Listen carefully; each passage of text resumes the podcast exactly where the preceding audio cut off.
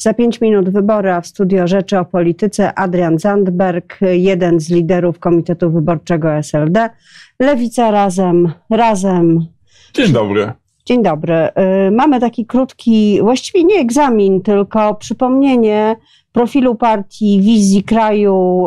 Y, wszystko to opiera się na pytaniach dotyczących y, kolejno najważniejszych działów i pewnie się pan nie zdziwi, że zaczniemy od ochrony zdrowia, która w tej kampanii była niezwykle ważna.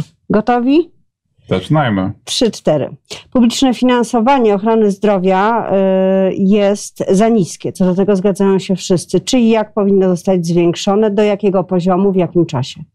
My chcemy podnieść publiczne nakłady na ochronę zdrowia do 7,2% PKB, do 6,8% w 2022, do 7,2% w 2024. To jest minimalny poziom, przy którym możemy liczyć na to, żeby ochrona zdrowia w Polsce zaczęła przypominać normalne europejskie standardy. My jesteśmy zwolennikami tego, żeby finansować to z nakładów budżetowych. To jest w tym momencie jedna forma, jedna formuła, w której to jest realistyczne politycznie i jeżeli chodzi o zbudowanie społecznego przyzwolenia. No tak, ale wie, wiele z tych pieniędzy, jeśli nie większość, trzeba będzie wydać na rozwiązanie problemu kadr w ochronie zdrowia.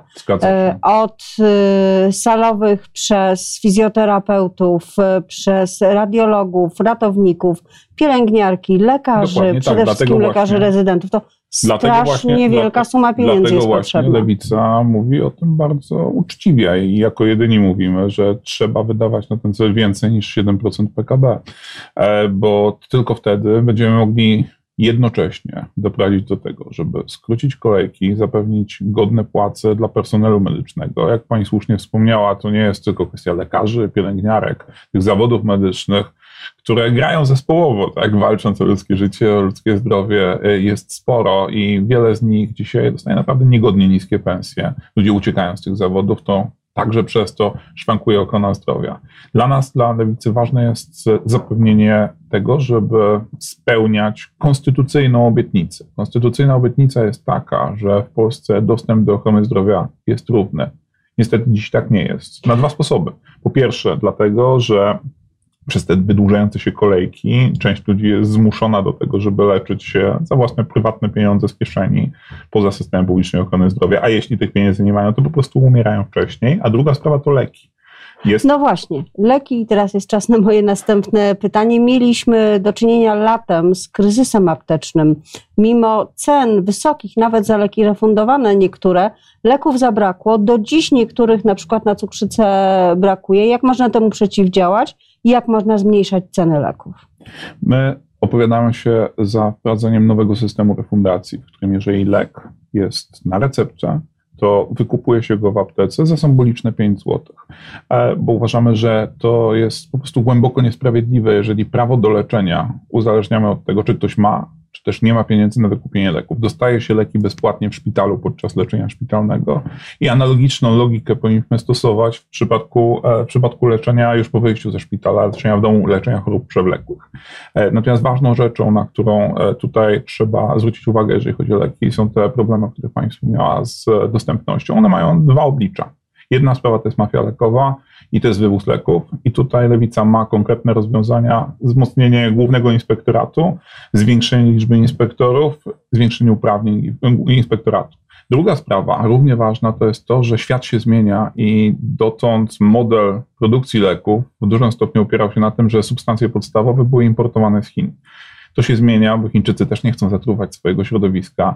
E, te ceny idą w górę, dostępność e, niektórych substancji spada. My opowiadamy się za powołaniem wspólnego europejskiego publicznego producenta leków, który będzie gwarantem tego, żeby tego typu braki rynkowe nie powodowały sytuacji, z którymi mamy nieraz do czynienia już teraz także w Polsce, czyli tego, że ludzie nie mogą wykupić leków, których potrzebują, produkcja, się leczyć. Produkcja to jedno, dystrybucja to drugie. Czy przepisy antykoncentracyjne wobec aptek aptek e, powinny e, pozostać, czy wielkie sieci apteczne powinny działać, czy też taka wizja e, aptekarza, który ma jedną aptekę, powinna obowiązywać i być regulowana. My jesteśmy za utrzymaniem, za utrzymaniem obecnych przepisów. One tak naprawdę dopiero teraz na serio zaczynają działać.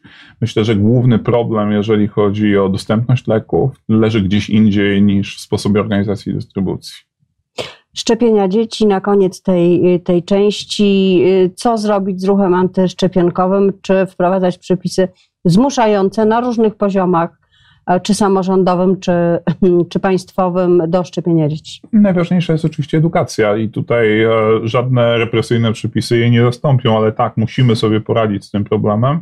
Musimy też poradzić sobie z tym, że um, dla wielu osób niektóre szczepienia są niedostępne ekonomicznie. Lewica jest za tym, żeby rozszerzyć wachlarz tych szczepień, które są gwarantowane bezpłatnie. Czy można wprowadzać przepis, że y, dziecka nie można zapisać do przedszkola, ponieważ nie zostało zaszczepione? Czy to jest dobra droga? Ja myślę, że tutaj trzeba zawsze zważyć rację, tak, żeby nie skrzywdzić dziecka, a w większym stopniu e, tę presję skierować na rodziców. I myślę, że tutaj raczej presja o charakterze finansowym byłaby skuteczniejsza. To zajmijmy się teraz e, pieniędzmi. E, podatki to boli każdego Polaka. E, jaką skalę podatkową proponuje Lewica? My jesteśmy za progresją podatkową, mówimy to bardzo otwarcie. Ale muszę powiedzieć, że dzisiaj w systemie podatkowym podstawowy problem to nie jest ustawienie stawek. Podstawowy problem jest taki, że w Polsce budżet jest utrzymywany przez pracowników, przez drobne firmy, natomiast wielkie międzynarodowe korporacje bardzo często po prostu nie płacą podatków.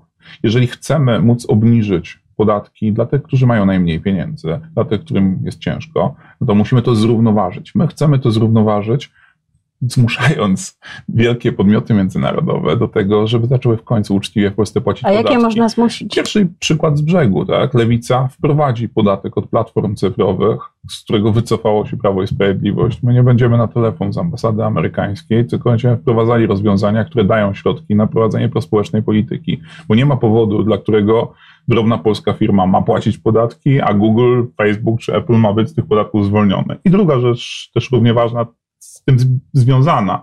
My skończymy z tym, co robi obecny rząd, czyli z rozdawaniem publicznych pieniędzy wielkim korporacjom. Takie historie jak to, że pan prezes, premier Morawiecki swoim przyjaciołem z banku JP Morgan daje grube miliony złotych i praktycznie polskie państwo z budżetu finansuje założenie oddziału tego skądinąd skompromitowanego w czasach kryzysu po 2008 roku banku, no to się nie będzie powtarzało zarządów lewicy. Te pieniądze są potrzebne na inne, ważniejsze społeczne cele. Dobrze, to teraz praca. Praca y, jest obłożona bardzo wieloma i bardzo wysokimi daninami. Jak zmniejszyć koszty pracy tak, żeby nie uderzało to w pracownika i żeby jednocześnie pozwalało państwu egzystować i, i żeby praca przynosiła państwu zysk? No, tutaj odpowiedź trochę zawiera się w tym, pyta- w tym, co mówiłem przed chwilą. To znaczy, żebyśmy mogli obniżyć e, narzuty na pracę, to musimy doprowadzić do europejskiego poziomu ściągalność podatków z wielkich międzynarodowych korporacji. Musimy doprowadzić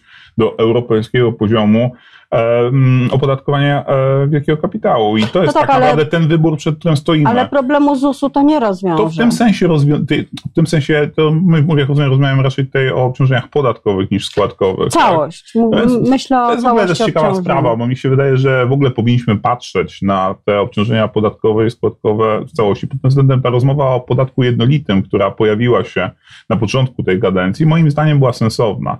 I wiele z tych propozycji, myśmy zresztą o tym mówili, co, co, co, co wzbudzało często zdziwienie, bo to były pomysły, które pojawiły się, jak wiadomo, w, w instytucjach rządowych, że te pomysły są całkiem rozsądne. A pomysł zniesienia trzydziestokrotności jest sensowny? No ja myślę, że to trzeba, to jest właśnie dobry przykład, tak? To znaczy, tutaj mamy ten paradoks, że z jednej strony, żeby zlikwidować regresywny charakter systemu podatkowo-składkowego, wypadałoby zlikwidować tę trzydziestokrotność, a z drugiej strony ma to obecnym systemie podatkowo-składkowym potężne przyszłe koszty dla wypłacania świadczeń.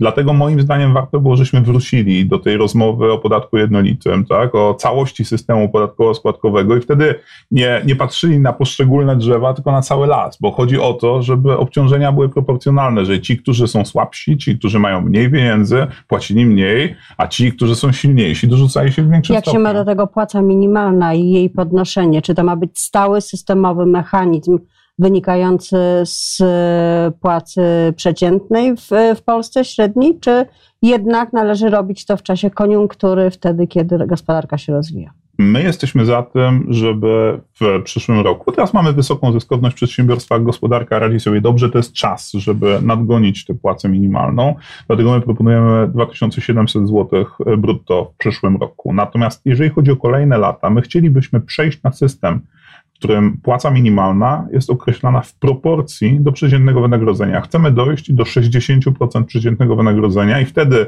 podwyżki płacy minimalnej nie będą wynikały z cyklu wyborczego, nie będą wynikały z tego, że pan premier albo pan prezes e, chce, e, chce, chce coś powiedzieć w kampanii wyborczej, tylko będą po prostu z mocy prawa i będą następować automatycznie wraz ze wzrostem przeciętnej płacy i wraz ze wzrostem gospodarki.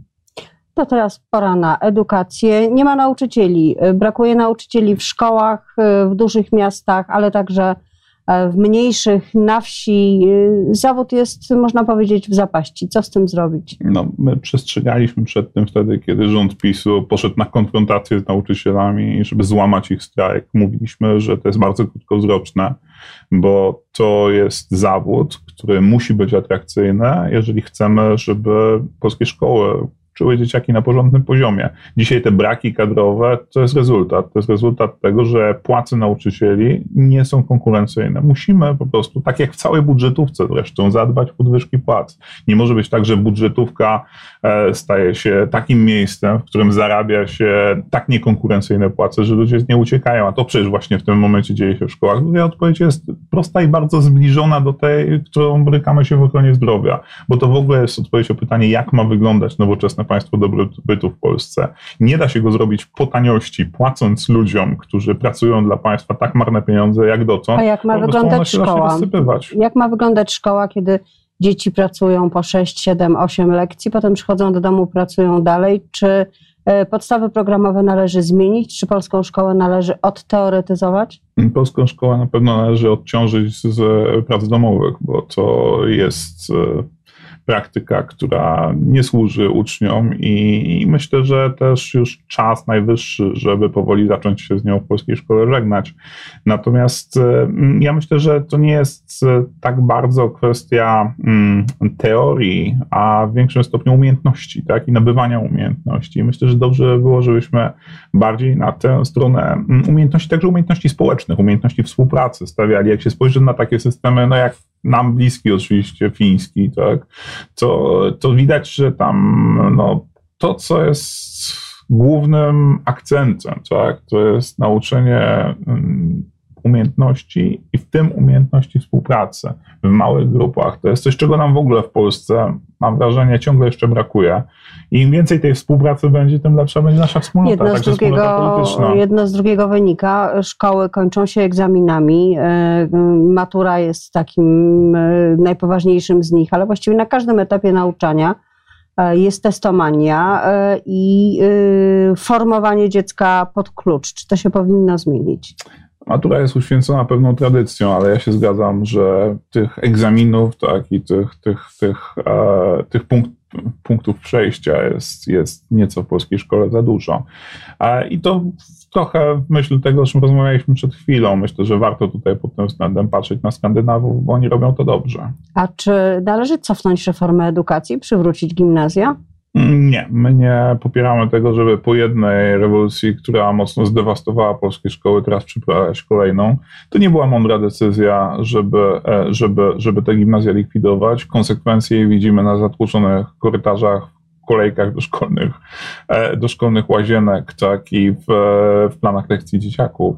E, natomiast to dzisiaj, to czego polska szkoła potrzebuje, to raczej spokoju, inwestycji w ludzi, wyższych płac dla nauczycieli i rozmowy o tym, o czym mieliśmy tutaj okazję przed chwilą wymienić parę słów, to znaczy o tym, czy uczymy dzieci w wystarczająco dużym stopniu umiejętności, czy nie przyładowujemy no, tej, tej encyklopedii. Tak, ale wiedzą. powiedział Pan spokoju, a poziom przemocy w szkołach rówieśniczej, yy, na przerwach, po lekcjach, yy, poziom dyskryminowania, nękania na różne sposoby, E, mobbingu, stalkingu jest, jest bardzo wysoki i rośnie.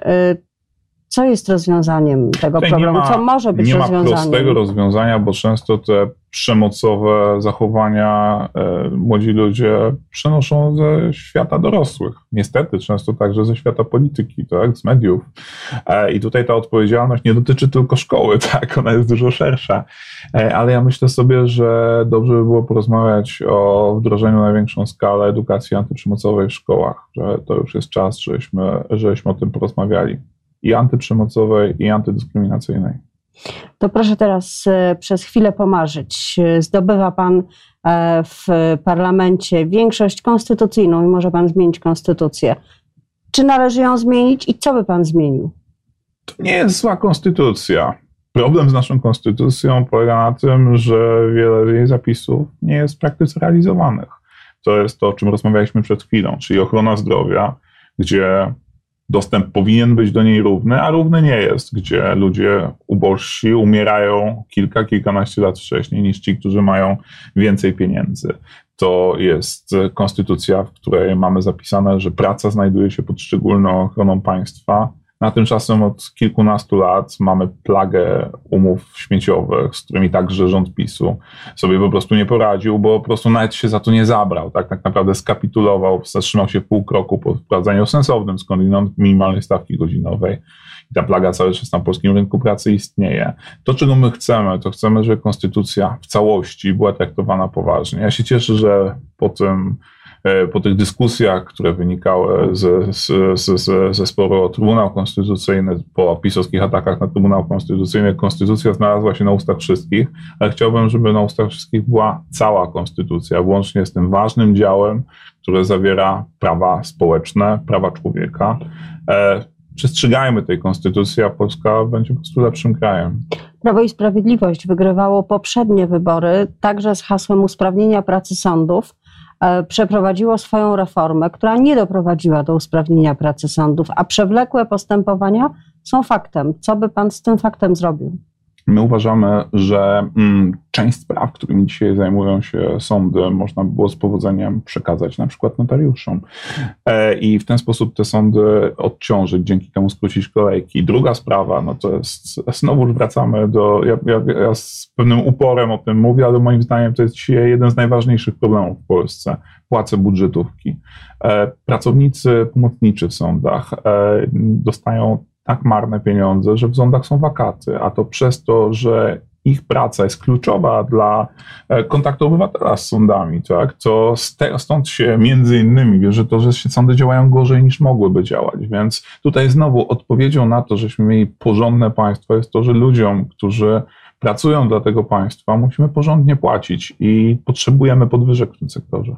E, a czy potrzebujemy rozdzielenia prokuratury od Ministerstwa tak. Sprawiedliwości od państwa? Tak, i myślę, że po czterech latach e, urzędowania pana Ziobry już chyba mało kto poza miłośnikami pana Ziobry uważa inaczej. Czy to oznacza, że żadnych relacji między władzą polityczną a sądownictwem być nie powinno? No myślę, że to jest też coś, co po tych czterech latach dla bardzo wielu osób, które dotąd nie były do tego przekonane, jest jasne. My potrzebujemy te konstytucyjne gwarancje wolności sądownictwa prowadzić i wdrożyć w praktyce. I z pewnością nie może być tak, że no, powoływanie na wyroki E, będą mieli wpływ ci, którzy w danym momencie mają, mają większość, zwykłą większość parlamentarną, bo to po prostu jest złe na wielu poziomach, a chyba najgorsze na tym poziomie, na którym ludzie przestają ufać w to, że sąd jest źródłem sprawiedliwości, a zaczynają patrzeć na niego jakby był po prostu ekspozyturą rządzącej partii politycznej. Na koniec polityka społeczna to pewnie dla Pana prawdziwy deser 500. Czy trzeba zreformować ten program, czy zostawić go bez żadnych zmian? Nie, to powinien być program powszechny. Tak mówiliśmy już w 2015 roku. On w tym momencie w końcu się upowszechnia, choć ciągle są takie grupy, e, do których to świadczenie nie trafia. Ja powiem tyle, gdyby to 500 plus zostało wprowadzone parę lat wcześniej, to prawdopodobnie PiS nigdy nie zdobyłby władzy. E, polityka prorodzinna, co są świadczenia dla rodzin, ale nie tylko, bo jakby to nie wyczerpuje, e, nie wyczerpuje problemu i to dzisiaj w Polsce widać bardzo mocno, na przykład na przykładzie opieki żłobkowej, tak? To znaczy Zaraz też do tego dojdziemy, a teraz wiek emerytalny. E, czy pozostawić reformę reformy, której dokonał e, PiS 60-65, wydłużać? W jaki sposób państwo się powinno zachować? Zostawiamy ten wiek emerytalny. Jeżeli chcemy szukać zachęt, żeby ludzie e, decydowali się na dłuższą pracę, to rozmawiajmy o tym od strony zachęt, a nie od strony mechanicznego zmuszania ich do wydłużonego czasu pracy, bo są takie zawody, są takie ścieżki życiowe, w których po prostu mówienie o tym, że ktoś będzie pracować do 67, 8, 9 roku życia jest skrajnie nierealistyczne.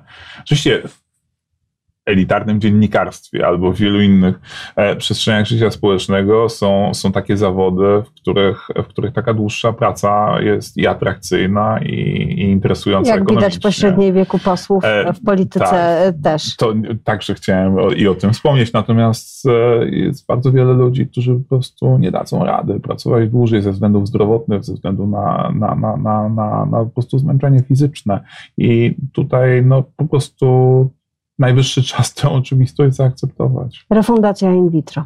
Oczywiście tak. I tutaj e, kropka. Gwarantowana ustawowo, żeby nie można je było tak łatwo jak dotąd jednym ruchem e, skasować. Emerytury i renty indeksować, czy po prostu zwolnić z podatku?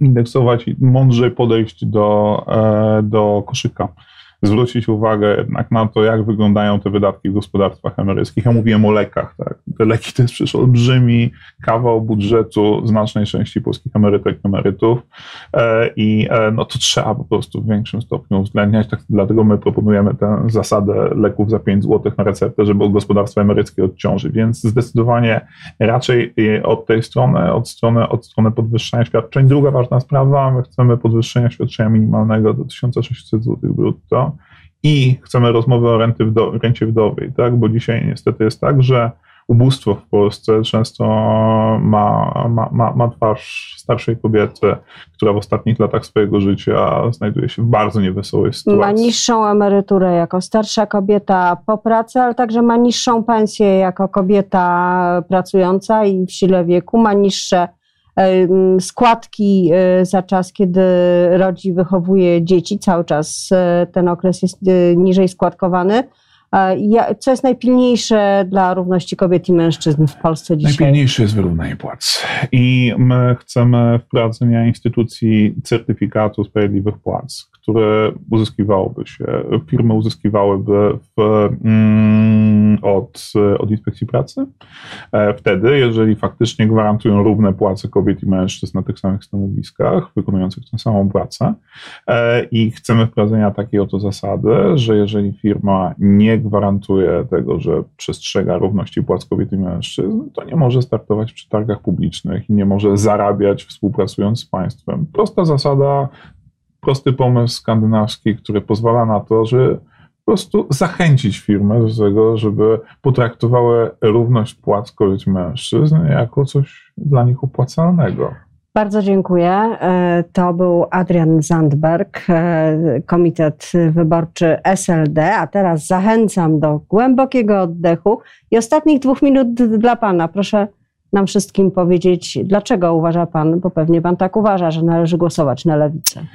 Proszę Państwa, w tych wyborach e, stała się rzecz ważna, bo zaczęliśmy tak naprawdę spierać się o to nie tylko, kto jest zły, kto nam się nie podoba, ale też jaka ma być Polska za 5, za 10 lat. I ten spór tak naprawdę w dużym stopniu jest sporem pomiędzy z jednej strony PiSem, z jego e, dość zamordystyczną wizją państwa, gdzie jest chleb, ale niekoniecznie jest wolność. A z drugiej strony lewicą, która proponuje nowoczesne państwo dobrobytu, budowane według dobrych europejskich wzorców, państwo, w którym jest i chleb, i wolność.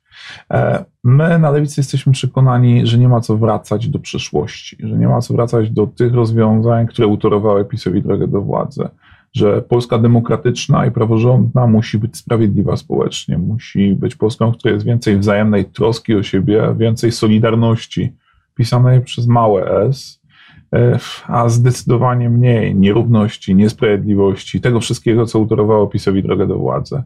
I jeżeli myślicie Państwo podobnie, to zachęcamy Państwa do głosowania na listę lewicy, ale też namawiania ludzi, żeby szli na wybory. Bo jest tak, ja o tym mówię w ostatnich dniach bardzo często, że dużo ludzi jest zniechęconych. Patrzyło i przez ostatnie 4 lata na to, jak wyglądała opozycja w Sejmie, no i tym się mocno rozczarowali, ale jest nadzieja na zmianę, jest lepsza oferta, jest prospołeczny, demokratyczny program lewicy. Jest lewica, która nabiera żartu żagle, która rośnie w siłę, zwłaszcza w tych ostatnich dniach, ostatnich tygodniach kampanii, jest realną nadzieją na zmianę, a ta zmiana jest możliwa, dopóki piłka jest w grze, a wybory są w niedzielę. Bardzo dziękuję.